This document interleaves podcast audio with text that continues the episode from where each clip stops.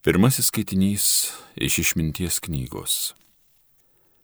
Spinduliuojanti ir neblėstanti yra išmintis, lengvai pastebima tų, kurie ją myli, ir surandama tų, kurie jos ieško. Jis skuba atskleisti save tiems, kurie jos trokšta. Kas anksti keliasi jos ieškoti, tas nepavargs, nes ras ją sėdinčią prie savo durų apie ją mąstyti yra protingiausia. Kas dėl jos būdi, greitai bus be rūpeščio, juk ji pati ateina ieškoti tų, kurie jos verti. Geraširdiškai jiems pasirodo jų takuose ir pasitinka juos prie kiekvieno jų užmojo. Tai Dievo žodis.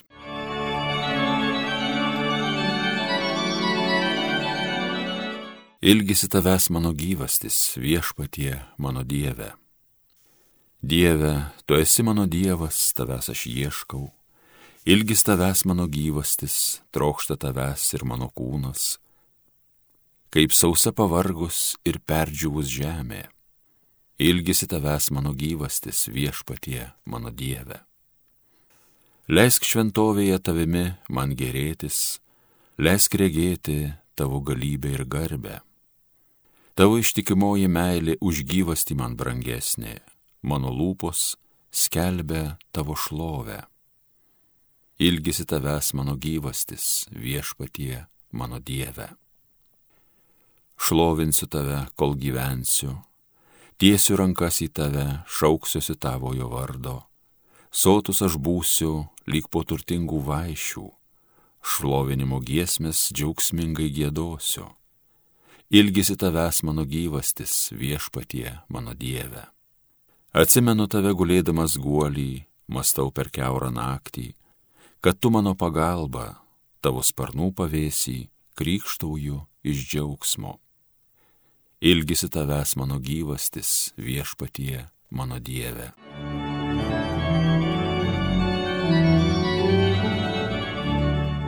Antrasis skaitinys iš Šventojo Paštalo Pauliaus pirmojo laiško tesalonikiečiams.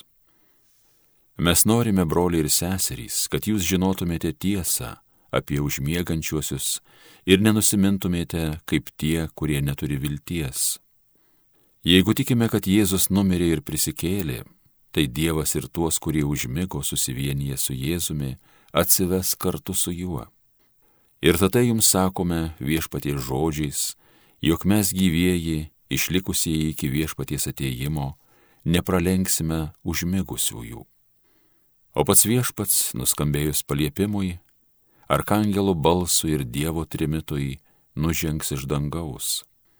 Tuomet pirmiausia prisikels tie, kurie mirė Kristuje, paskui mes gyvieji, išlikusieji, kartu su jais būsime pagauti oran, debesysna pasitikti viešpats ir taip visuomet pasiliksime su viešpačiu. Todėl guoskite vieni kitus šiais žodžiais. Tai Dievo žodis. Alleluja, alleluja, alleluja. Budėkite ir būkite pasirengę, nes nežinote, kurią valandą ateis žmogaus sūnus. Alleluja.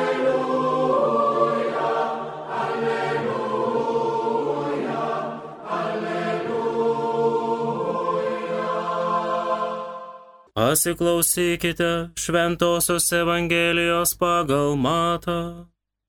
Jėzus pasakė savo mokiniams tokį palyginimą.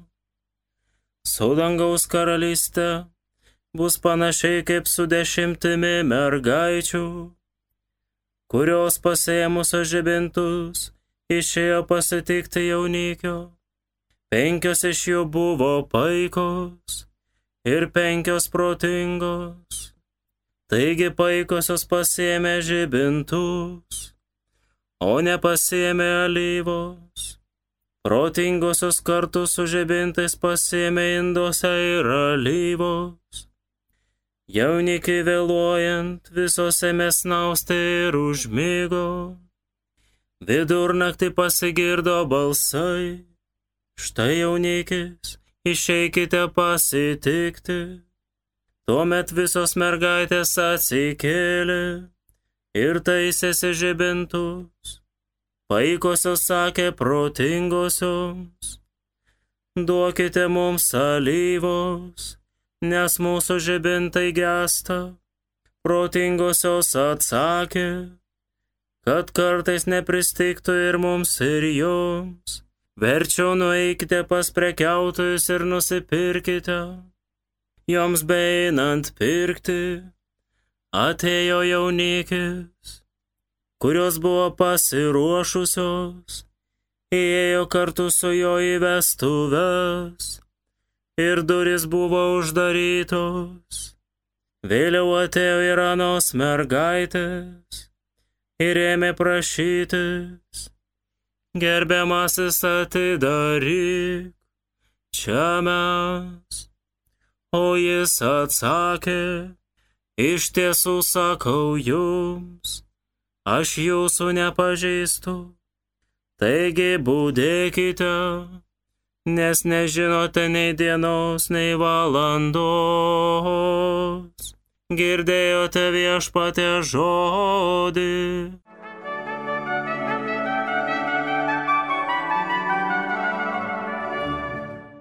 Mėly Marijos radio klausytojai, šiandien Dievas savo žodėje skelbia mums ne tris labai svarbias žinias.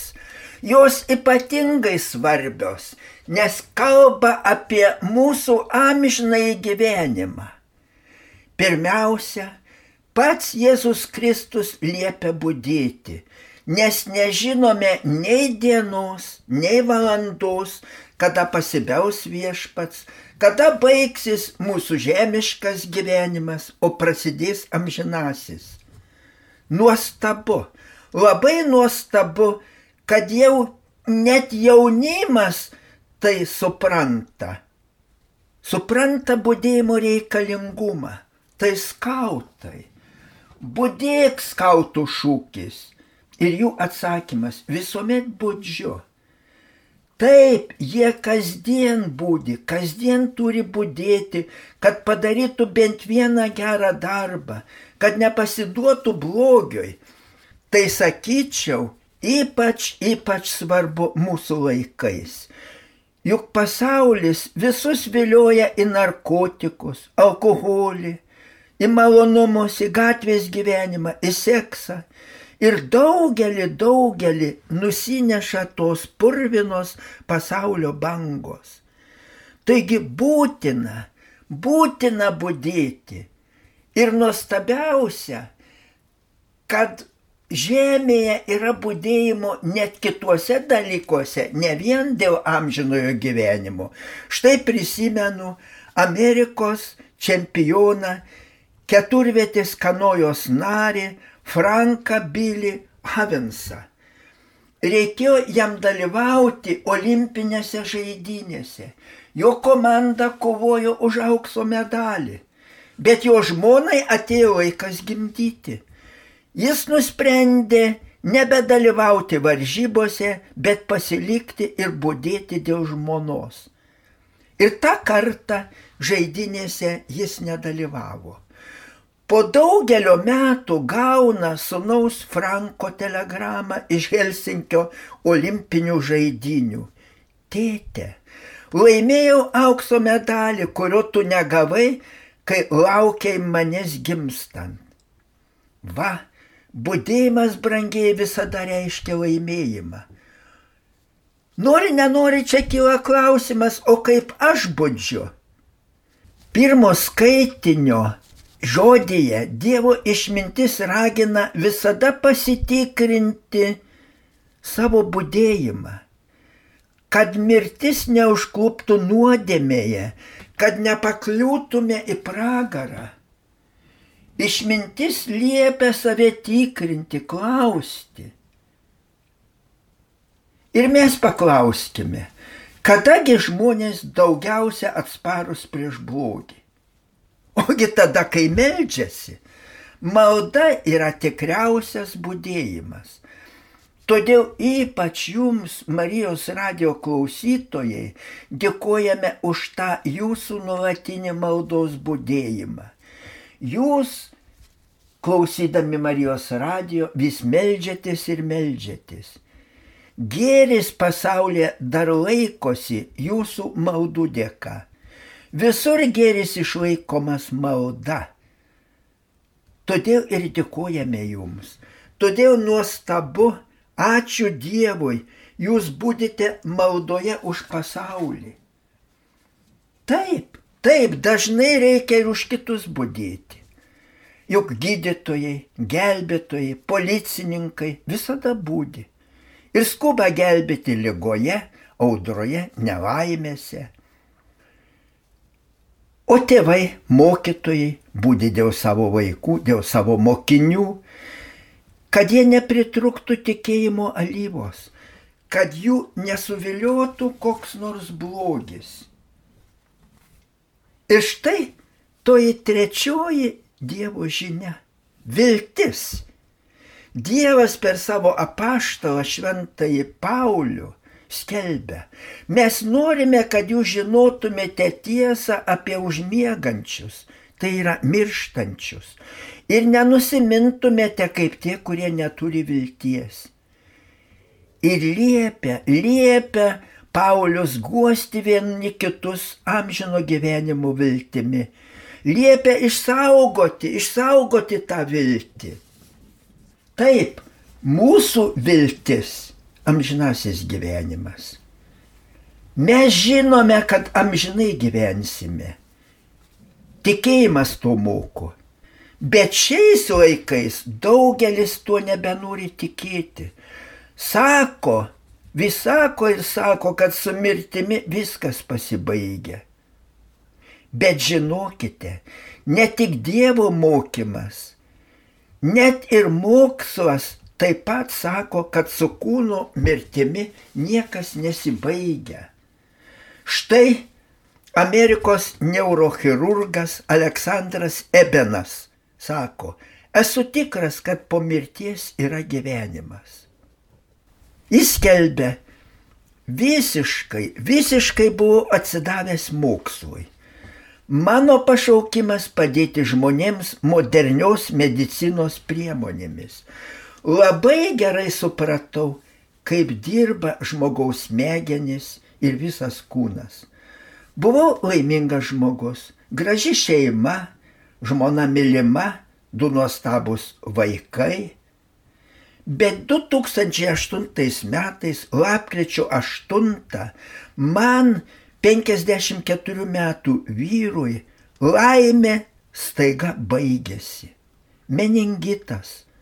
Nukritau komoje.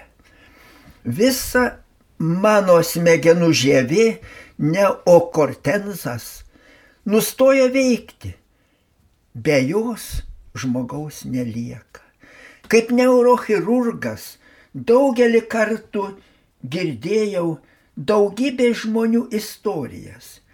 Jie pasakojo apie savo pomirtinės kelionės, kaip jie pergyveno keščiausius dalykus, kaip taisyklė sustojus smegenims ir širdžiai.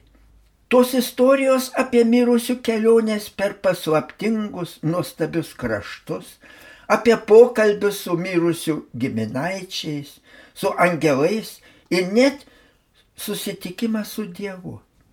Nuostabus dalykai, ar ne? Bet aš netikėjau. Visada galvojau, kad tai fantazija. Aš gerai žinojau, kad jei smegenys nebeveikia, nebėra ir sąmonės. Tada nebegali būti jokios kalbos, jokios minties, jokio mąstymo, jokių susitikimų. Juk kai ištrauksite iš rozetės laidą, nebebus elektros ir televizorius neberodys. Panašiai galima paaiškinti ir smegenų nebeveikimą. O smegenų žievę galima atgaivinti tik jei per keturias minutės bus reanimacija. Tada sustojusią širdį ir plaučius priverčia reanimacija vėl veikti. O penktą minutę neokortesas visiškai žūsta ir pasaulis nebeturi priemonių jį prikelti. Kaip neurochirurgas, kaip specialistas, tai mačiau daugybėje operacijų. Bet vis tik priešingai tikroviai mane iš komos atgaivino daug daugiau laiko praėjus. Ir dabar galiu patvirtinti, kad iki atgaivinimo po kūno ir smegenų mirties dar nėra sąmonės pabaiga. Žmogaus patirtis siekia ir už mirties. Vieta, kurioje tada ėjau, reali. Net atrodė tikresnė už buvusį gyvenimą. Buvęs gyvenimas atrodė kaip sapnas. Tai, ką patyriau būdamas komoje, labai svarbu. Todėl daug kartų jau pasakojau ir dar vis pasakosiu. Jaučiu, kad privalau tai daryti. Sunku tai pasakoti, nes vis atrodo daugeliui svetima tai, svetima įprastam žmonių supratimui. Bet pasakojimas tapo svarbiausiu mano gyvenimo uždaviniu. Todėl Ebenas Aleksandris parašė daugybę knygų.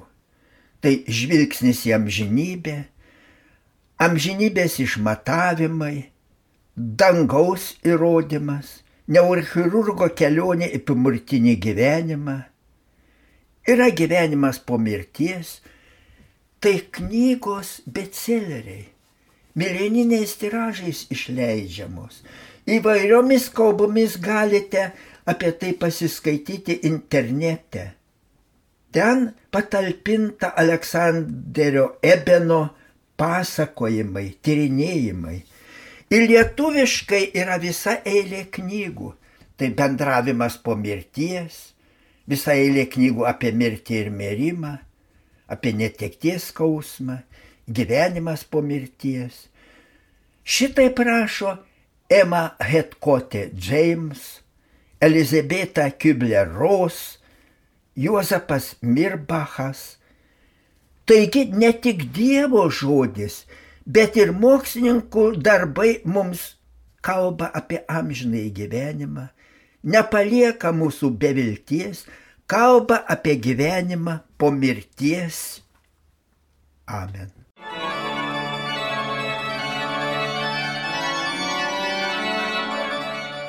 Homilyje sakė panevižio vyskupas emeritas Jonas Kauneckas.